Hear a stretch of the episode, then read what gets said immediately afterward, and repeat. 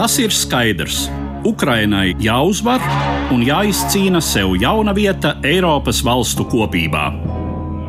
Bet neatbildēts paliek jautājums, kas būs ar Krieviju? Katra mēneša pēdējā ceturtdienā pēc trījiem es, Eduards Liniņš, uzdošu šo jautājumu Latvijas un ārvalstu ekspertiem. Mēs mēģināsim saprast, kas visticamāk gaida mūsu austrumu kaimiņu valsti un ko no tās varam sagaidīt mēs. Labdien, cienījamie klausītāji! Šodien mūsu raidījumam, kas būs ar Krieviju, būs nedaudz cita ievirze, proti mēs parunāsim primāri par to, kas varētu notikt ar Baltkrieviju, Krievijas vienīgo drošo sabiedroto tās agresijā pret Ukrainu. Un mans sarunbiedrs šodien studijā laikraksta diena apskatnieks Andis Sedlinieks. Labdien! Sveicināti!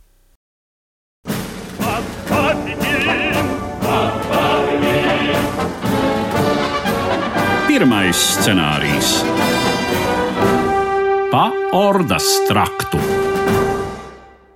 Runājot par Lukašenko režīmu, ilgi būvētu, ideoloģiski konkrētāk iekrāsotu nekā Putina režīms, tur ir vairāk to postpadomisko elementu. Kāds, tavuprāt, ir Lukašenko režīma stabilitātes resurss? Tas ir lielā mērā atkarīgs no tā, cik šie cilvēki, uz kuriem viņš balstās, diktators jau viņš nekad nav viens, aiz viņa muguras stāv liels skaits dažādu ieinteresētu ļaužu, ļoti bieži arī ar pretrunīgām interesēm, kas visi to vai citu iemeslu dēļ ir ieinteresēti šāda režīma pastāvēšanā. Un galvenais jautājums ir, kas ir viņa galvenie balsti un cik lielā mērā šie galvenie balsti ir ieinteresēti, lai tā turpinātos. Viens, kas ir, tie, protams, ir drošības dienesti, speciālie dienesti, milicija, šeit viņi joprojām saucās par miliciju, tā teikt, arī armijas vadība, lielākā daļa šo cilvēku, kas atrodas augstākos posteņos, viņi ir Krievijas izcelsmes vēl pēdējos padomju gados nozīmēti, vai arī, kas ir jaunāki, tie visi ir izglītību guvuši Krievijā, viņi ir ļoti cieši saistīti ar Krieviju. Viņi ir tie, kuri arī nodarbojās ar šo sacelšanos apspiešanu, un viņi ir ieinteresēti šī režīma pastāvēšanā, jo tas ir arī viņu jautājums. Un otrs, tāds, teiksim, jau krietni daudz skaitlīgāks slānis, ka mums kādreiz teica sarkanie direktori. Tas ir visādi kolhozi, sauhozi, kas tur joprojām pastāv kuplā skaitā. Tās ir dažādas rūpnīcas lielās teiksim, Minskas traktoru rūpnīca, ja nu, milzīga rūpnīca, bet viņas noieta tirgus ir praktiski tikai Krievija. Galvenais. Ir, protams, vēl arī citi tirgi. Pat uz Zimbabvi, kas Šenko šķiet bija aizvedis traktoru no Minskas, bet Zimbabvē tas diezin vai ir nopietni. Kaut ko jau tur var nopirkt, bet jautājums par ko un kādā veidā kad bija tie 20. gada nemieri, bija mēģinājums sāģitēt šos rūpnīcas strādniekus, piedalīties protesta akcijās. Viņi neizrādīja īpašu vēlēšanos, acīm redzami satraucoties par to, kas varas maiņas, ekonomiskās situācijas maiņas, politiskā kursa maiņas gadījumā var notikt ar viņu darba vietām. Un es domāju, ka tur vecākajai paudzei tas, kas notika pēc PSRS sabrukuma, ir spilgtā atmiņā, ne tieši Baltkrievijā, jo Lukašenko tur lielā mērā izdevās saglabāt to padomju rezervātu, tāpēc, ka tā Baltkrievijas ekonomiskā sistēma bija tāda vairāk noslēgtāka. Bet uh, tas, kas notika tur Krievijā vai apkārt, cilvēki jau to atcerās, un viņi no tā visa baidās. Viņi arī ir tie, kas gāja atbalstīt Lukašenko, izcināja padomju stilu karogus, un tā teikt, un tās ir tās divas galvenās grupas. Nu, un vēl viena lieta, protams, tie ir ierēģi, par kuriem nekad nav skaidrs, jo, ja tu esi pie varas jau cik gadu desmitus, tad šajā laikā jau ir izaugušas vairākas ierēģiņu paudzes, kuras visas ir tā vai citādi jau atkarīgas no tevis. Un kā tas viss tur miedarbosies un kas notiks, mainoties varai, bet tas brīdis ir neizbēgams. Bet neviens cilvēks nav mūžīgs, un viņa vecums jau ir diezgan tā teikt. Un ko izvēlēsies šīs trīs galvenās grupas, tas ir labs jautājums. Runājot par spēku struktūrām, starp citu, Tas visnozīmīgākais represīvais instruments ir ne visa milicija kopumā, bet eh, primāri, protams, tā sauktā speciālo uzdevumu milicijas vienība, kas arī Baltkrievijā ir pazīstama ar abreviatūru OMON. Tā ir zināma arī Latvijas vēsturē, tā sauktie omonieši. Un tur jau ir arī tas faktors, kas attiecas arī uz Krieviju, ka šie cilvēki ir uh, sasmērējušies, sevišķi jau 20. gada notikumos, un kaut kādas izmaiņas viņiem, uh, tiesnešiem, prokuroriem, nu vispār visas tieslietu sistēmas darbiniekiem draud ar ļoti konkrētiem jautājumiem. Ko jūs tiesājāt, ko jūs arestējāt, kādā veidā, kas ar šo cilvēku notika ieslodzījuma vietās, kur notiek diezgan briesmīgas lietas šobrīd. Par to visu var nākties atbildēt. Un tas jau ir faktors, kas var likt tiešām stāvēt un krist par to režīmu. Viņu ir daudz, būsim godīgi, viņu ir daudz. Kopā ņemot, teiksim, ar dažādu ieinteresētības līmeni, tie ir nozīmīgi procenti no Baltkrievijas iedzīvotājiem. Šobrīd gan mēs tiešām laikam nevaram tā puslīdz droši pateikt, vai tie ir 10%, vai 15%, vai 20%, un kāda ir proporcija savukārt pret tiem, kuri ir aktīvi gatavi kaut ko mainīt. Tie, kas atbalsta varu, tie parasti gaida, kad vara arī visu izdarīs un aktīvi nekur neiesaistās. Kas attiecās uz opozīciju, tad ievērojama daļa ir teikt, devusies piespiedu emigrācijā, vēl daļa atrodas vietās, kurās viņi negribētu atrasties. Bet kas ir nu, te jau vai droši vien galvenais Lukašenko varas noturības faktors, un tās ir saiknes ar Maskavu, ar Kremli. Putina Krievija, kas ir apmaksājusi lielā mērā Lukašenko režīma rēķinus jau daudzus gadus. Ir uh, energoresursi par ļoti izdevīgām cenām, ir uh, kredīti un vispārējais atbalsts. Un, protams, faktors, ka visi, kuri domā par jebkādām pārmaiņām Baltkrievijā, nu viņiem ir par plecu jāatskatās uz to, ko šai sakarā varētu izdarīt Kremlis. Nu, ir jau arī tā, ka vairāk kā puse visas Baltkrievijas importa un eksporta būtībā puse valsts ekonomikas ir atkarīga no Krievijas. Ja tā nedaudz plašāk paskatās, tad Krievija mūsdienu variants tā ir tāda atzimusi impērija. Un Baltkrievija tas tomēr ir cits jautājums, un viņa būtībā atrodas tādas kā izvēles priekšā, vai viņas lēnām ievilks iekšā tajā impērijā, turpat kur burjati, jakuti un Viss cits, kas jāpiebilst, arī būsim godīgi, tā īpaši nemaz neilgojas no tās impērijas izkļūt. Jo viņi tur ir atraduši savu vietu, bet Baltkrievija atrodas uz tās robežas starp šo impēriju ja, un uh, Eiropu. Tā kā tur ir cerības teiksim, ja mēs runātu par Krieviju, tad es teiktu, ka to cerību, ka tur parādīsies kāda rietumu parauga demokrātija pārskatāmā nākotnē, īpaši daudz nav.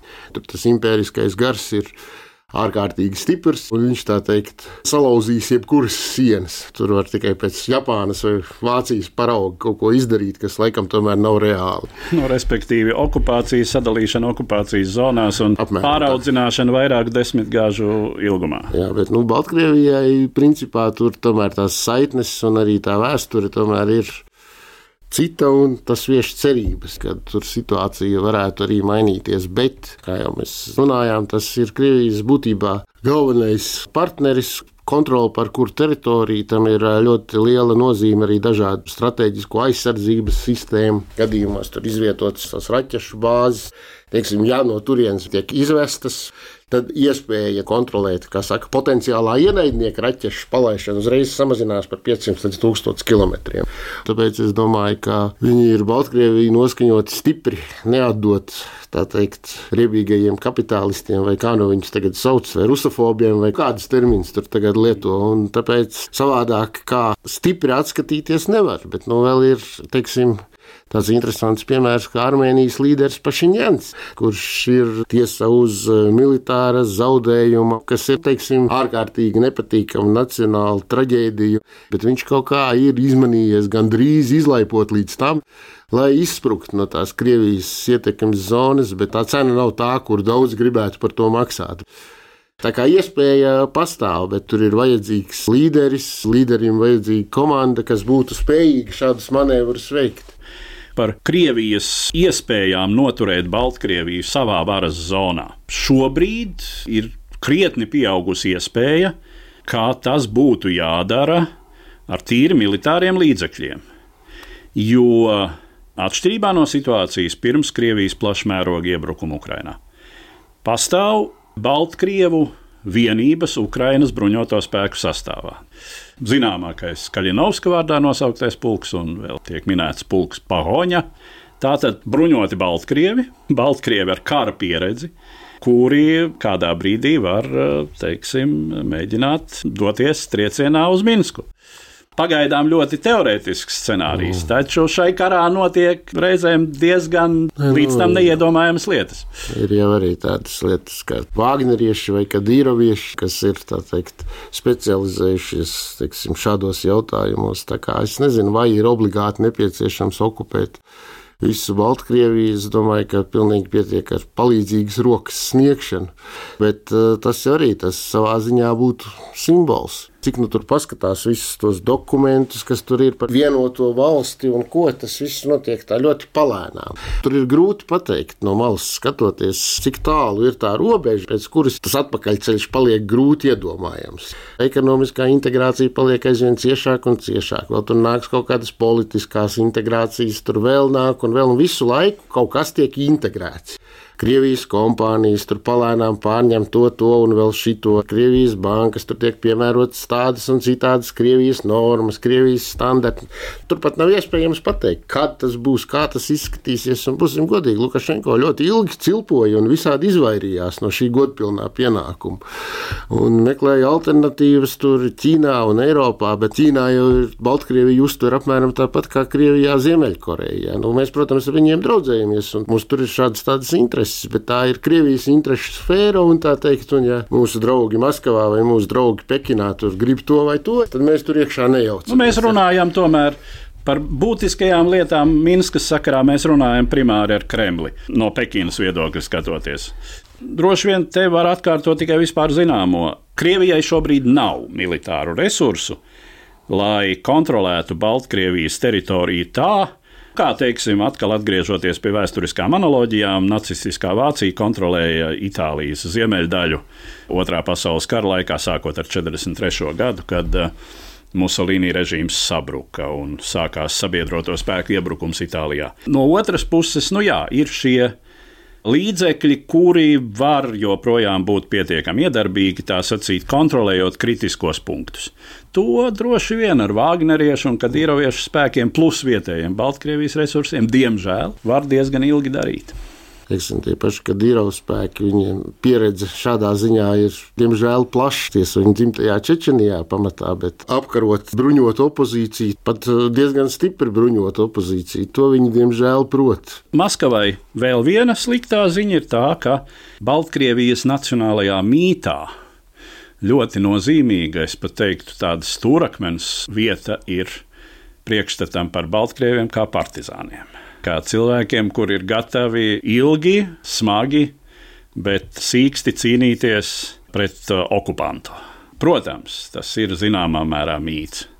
Lai gan Baltkrievijā zināmas partizānu aktivitātes, respektīvi tādas diversijas, kas šķiet ir no vietējo spēkiem. Vilcienu līniju bojāšana un tam līdzīgi tas jau notiek. Dažādi. Ja mēs runājam par Otro pasaules karu, no kuras šis mīts nāk, tad ievērojamākā daļa, protams, bija centralizēti atsūtītie partizāni. Bet bija arī daudz vietējo.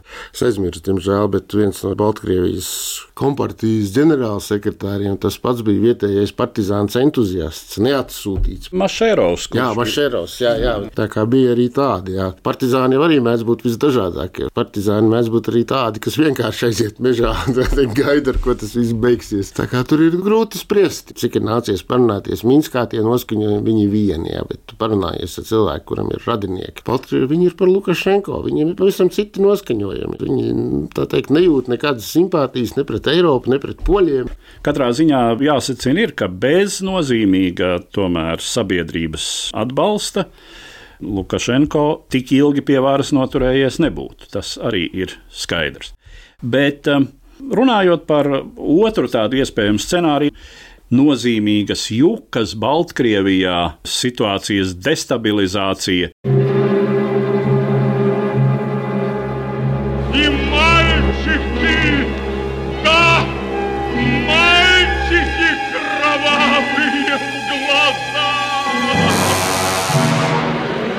Otrais scenārijs - juku laiki.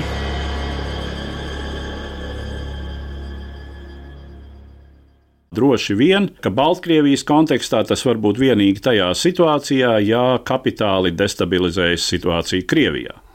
Ja vairs Kremlī nav neviena, kurš var un spēj kontrolēt šo vasaļvalsti, un tad no tur sākas iekšēji kaut kāda pamatīga villošanās par varu. Cik reāls šāds scenārijs varētu būt Baltkrievijā? Grūti teikt. Kā jau mēs runājam, mēs jau nezinām, cik ir to aktīvu atbalstītāju, cik ir to noliedzēju Krievijā. Būsim godīgi, ja Krievijā sāksies kādas nesaskaņas vai jukas, tad visticamāk, ka pie varas nenāks uh, demokrātijas cienītāji. Īpaši ņemot vērā, ka Krievija atrodas faktiski karstāvoklī, visticamāk, ka pie varas nāks stingri vīri mundieros un ar kokardēm pie pieres, un viņi arī atbilstīgi rīkosies. Tad uh, var gadīties arī tāda situācija, kad biedrs Putins visiem šķitīs kā nelabojams liberālis. Es nedomāju, ka tur pie varas varētu nākt kāds Prigožins vai Kadīros. Man ir tā visai pagrūti iztēloties, piemēram, Prigožinu runājam ar Ķīnas vai Indijas līderiem.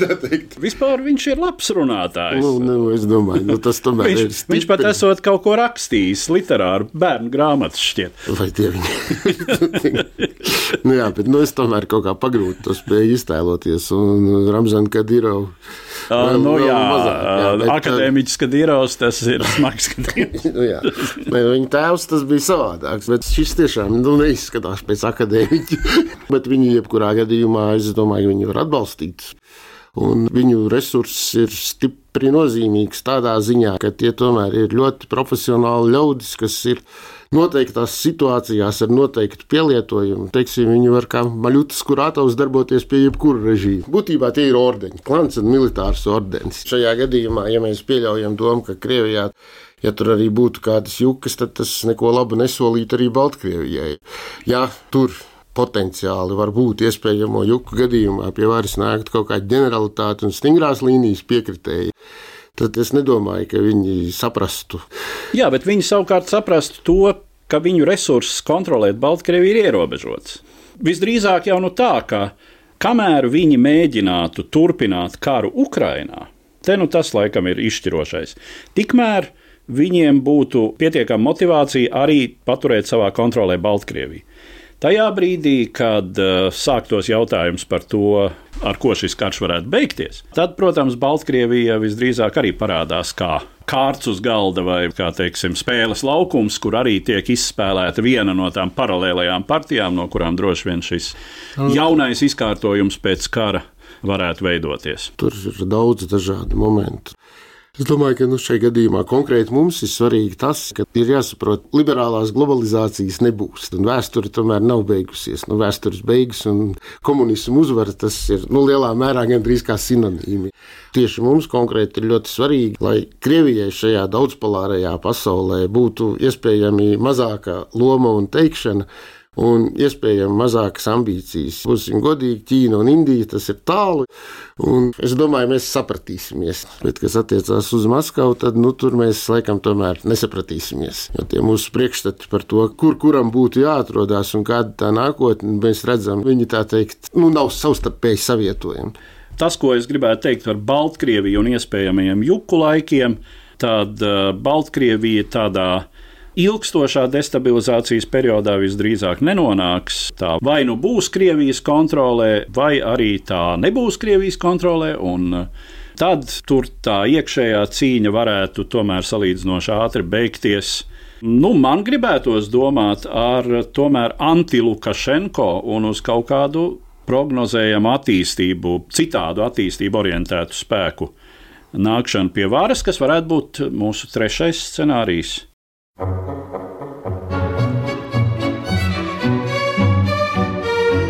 Trešais scenārijs - Oda priekam par Gulbju ezeru. Ja mēs atceramies, tad 90. gadu sākumā it kā jau viss bija. Beidzās ar Lukašenko nākšanu pie varas. Es pieļauju domu, nu, ja ļoti operatīvi paspēja atgriezties visi emigranti. Tas ir jautājums, ko mēs varam apsolīt vietējiem. Tiks solīts, ka tagad visus tur lustrēs un ko darīs, tad es baidos, ka demokrātijas ieviešana ir stipri problemātiska. Ja mēs sāksim ar to, ka mēs visiem solīsim nepatikšanas, tad es nedomāju, ka lielā skaitā cilvēki pāries viņiem pagaidām nezināmas varas pusē, kas pie tam vēl sola viņus lustrēt, atlaist no darba, konfiscēt īpašumus un ko tikai visu nedarīt. Un reizēm, ja palasās tos paziņojumus par demokrātiju, man liekas, ka nu, viņi to mēdz pārspīlēt. Tur vajag tomēr tā pieeja tāds pragmatiskāk un racionālāk un paturēt prātā, ka, ja jūs gribat nākt pie varas, tad jums vienā valstī būs jādzīvo ar visu šo publiku. Un, ja viņi tur turpinās, viņu ir daudz, un ja viņi visi turēs aiz muguras pa duncim, tad pie varas noturēties būs grūti arī ar rietumvalstu atbalstu. Būs nākošās vēlēšanas, un tur jau būs jauns Lukašenko idejiskais pēctecis priekšā, kurš teiks, ka tagad mēs visu atņemsim viņiem un atdosim atpakaļ jums. Panāžu asmeni jānostaigā. Nu, tā ir liela loterija vienmēr. Tas ir skaidrs, nu to jau mēs te aplūkojām. Šis režīms ir sev piesaistījis gan materiāli, gan arī potenciālās atbildības ziņā ļoti daudz cilvēku. Te var atgādināt faktiski arī to nacistiskās Vācijas denacifikācijas piemēru. Kā tā ātri un uh, skarbi tika sodīti samērā nedaudz, ja mēs skatāmies uz visu nacistisko struktūru. Jā, vadoņi, tie, kas vispār bija palikuši dzīvi, tātad nu, mēs zinām, Nīrnberga, tad tie, kurus varēja noķert pie rokas konkrētos kara noziegumos, Lai gan Baltkrievijas gadījumā īsti kara noziegumu nav aktuāli, nu tā tad jautājums ir par 20. gada notikumiem. Un tur droši vien arī visdrīzāk ķerami un sēdināmi būtu tie, par kuriem konkrēti var pierādīt, ka viņi ir situši, ka viņi ir spīdzinājuši. Tādas lietas ir. Tas ir cits aspekts. Pret visiem, nu, pavisam noteikti. Ne. Pret visiem jau tā tas nebija arī Vācijā. Ir zināmi šie fakti, ka 40. gada beigās, piemēram, Rostokas Vācijas Demokrātiskās darba partijas organizācijā sacēlās skandāls, jo bijušie tātad represētie vai trimdā izraidītie vācu komunisti un sociāldemokrāti konstatēja, ka šajā Rostokas partijas organizācijā bijušo nacistu partijas biedru ir vairāk nekā viņu.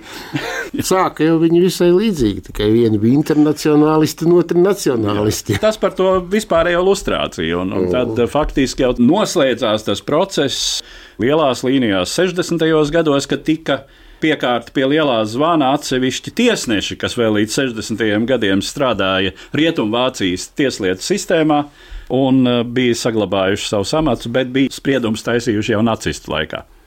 Bet tā labā ziņa ir tā, ka Baltkrievijai vismaz ir kaut kāds tas kodols, Cihanovskas komanda, tā tomēr pastāv. Tur ir kādas trīs tās komandas, man liekas. Nemaz tik draudzīgi viņi savā starpā nedzīvo, bet tas ir viss teikt, šāda emigrācija liktenis, kad gribās sadalīt to deķīt vairāk sev pa labu. Jā, bet nu, tur vismaz ir tā teorētiskā leģitimizācijas Jā. iespēja, ka ir šis vēlēšana fakts, ir šis vismaz teorētiski pieņēmums, ka Cihanovska tomēr ir šais vēlēšanās uzvarējusi, ka viņa ir guvusi to tautas mandātu. Tas ir vismaz atspērienu punkts, kāds, piemēram, tai pašai Krievijai, ja mēs runājam par iespējamu Krievijas demokratizāciju. Tāda, tāda nav. Kurš taisīs valdību? kurām ir tik daudz autoritātes kaut vai tā, tā sauktajā opozīcijā. Jautājums, kur ir tā opozīcija? Būsim godīgi, tas ir kas tā ir tā dikti liberālā un dikti prietumnieciskā opozīcija. Viņai tas atbalsts ir lielajās pilsētās un arī tad statistiskās kļūdas kaut kur plus mīnus robežās. Jo, ja Maskavā, kur ir līdz 20 miljoniem cilvēku, pat ziedu laikos 200 tūkstoši, tas bija 12. gadā, un tas cipars tur, cik tur bija aģenti un cik tur bija demonstranti, tas vēl ir jautājums.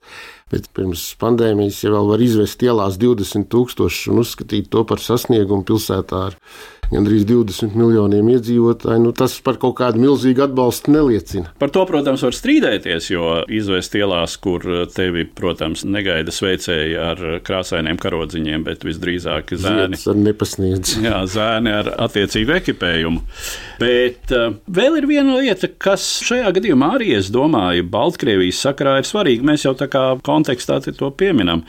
Daudz lielāka atšķirībā no Krievijas varētu būt ar Baltkrieviju robežojošo Eiropas Savienības un NATO dalību valstu un arī Ukrainas kā potenciāls šo struktūru dalībnieces gatavībā piedalīties Baltkrievijas procesos. Pirmkārt, protams, finansiāli, diplomātiski, politiski, jo tā ir arī mūsu diezgan nozīmīga interese tai pašai Latvijai. Protams, Polijas vēsturisko interesi to mēs vispār nepieminēsim.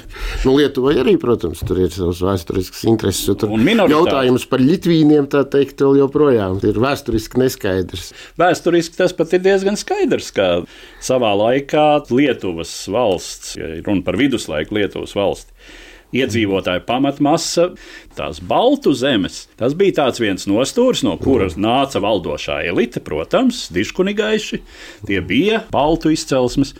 Bet, nu, Lietuvas tā... diškunigai tajā ziedu laikos tiek lēsts 85 līdz 90% iedzīvotāji nepiederēja pie valdošās tautības. Kas, starp citu, arī nebija nekāda valdošā tautība, jo uh, lietuviešu valoda nebija valsts valoda. To mēs zinām. Bet mūsdienās tas ir drīzāk pozitīvs faktors kad šī pagātnes saistība var gluži otrādi tikt izmantota.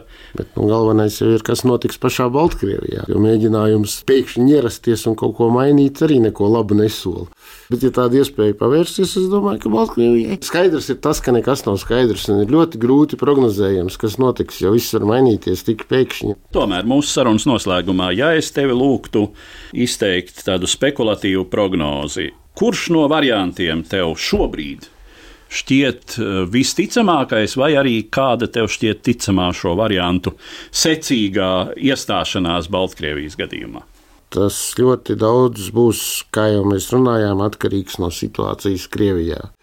Ja karš Ukrainā tiks iesaldēts vai kā, tad nu, mēs varēsim būtībā gaidīt, kamēr uh, Lukašenko beigs savas šīs zemes gaitas tam paredzētajā ceļā un veidā un, un aizies aizsolē ar visu tam paredzēto militāro godu. Pēc tam tad visticamāk ir, ka šādā situācijā tad arī Krievijai tuvu stāvošie ļaudis bez kādiem pārmērīgiem satricinājumiem pārņems varu. Tas ir jā, konflikts vērsīsies plašumā un paliks Krievijai aizvien nelabvēlīgāks, tas jau pavēr ievērojamas iespējas Baltkrievijas opozīcijai. Kaut gan tur atkal ir ļoti strīdīgi. Tur ir jautājums par to, cik lielā mērā šie cilvēki ir gatavi riskēt. Jo nu, ir jāsaprot, ka, ja tu atgriezies dzimtenē, tur arī tevi var nesagaidīt ar ziediem. No austrumu puses arī var nosēsties lidmašīnas ar cilvēkiem, kas ir specializējušies. Tāpēc man ir ļoti grūti pateikt, kurš tieši. Bet es tā iedomājos, ka pamatā tam tomēr būtu atkarīgam no kara darbības Ukrainā, kas tieši ietekmē situāciju Krievijā. Tad jau ir jāiesaistās spekulācijās savukārt par to, kā un jā un vai, bet es neesmu tieši militārais eksperts, es vairāk par tendencēm, par politiku un tā tālāk. Bet mēs, protams, varam cerēt, ka Baltkrievija būs vairāk vai mazāk demokrātiska valsts, un jā, ko tur liekties, mēs esam ieinteresēti mēs Latvijā kā valsts, mēs esam ieinteresēti, lai mums blakus pie robežas būtu kaut kāda stabila prognozējama teritorija. Mums ir arī ekonomiskās intereses, nenolieksim. Tātad sauksim lietas īstajos vārdos. Es domāju, ļoti daudz Latvijas uzņēmēju labprāt tur redzētu savu biznesu attīstāmies. Tas visiem būtu labi. Jā, tā ir skaitā Baltkrieviem. Ar to es arī noslēdzu mūsu šodienas sarunu un saku paldies manam sarunbiedram, laikraksta diena apskatniekam Andim Sedliniekam. Kas būs ar Krieviju? Neizbēgamie jautājumi un iespējamās atbildes par mūsu austrumu kaimiņu valsts nākotni. Katra mēneša pēdējā ceturtdienā pēc trījiem Latvijas Radio 1.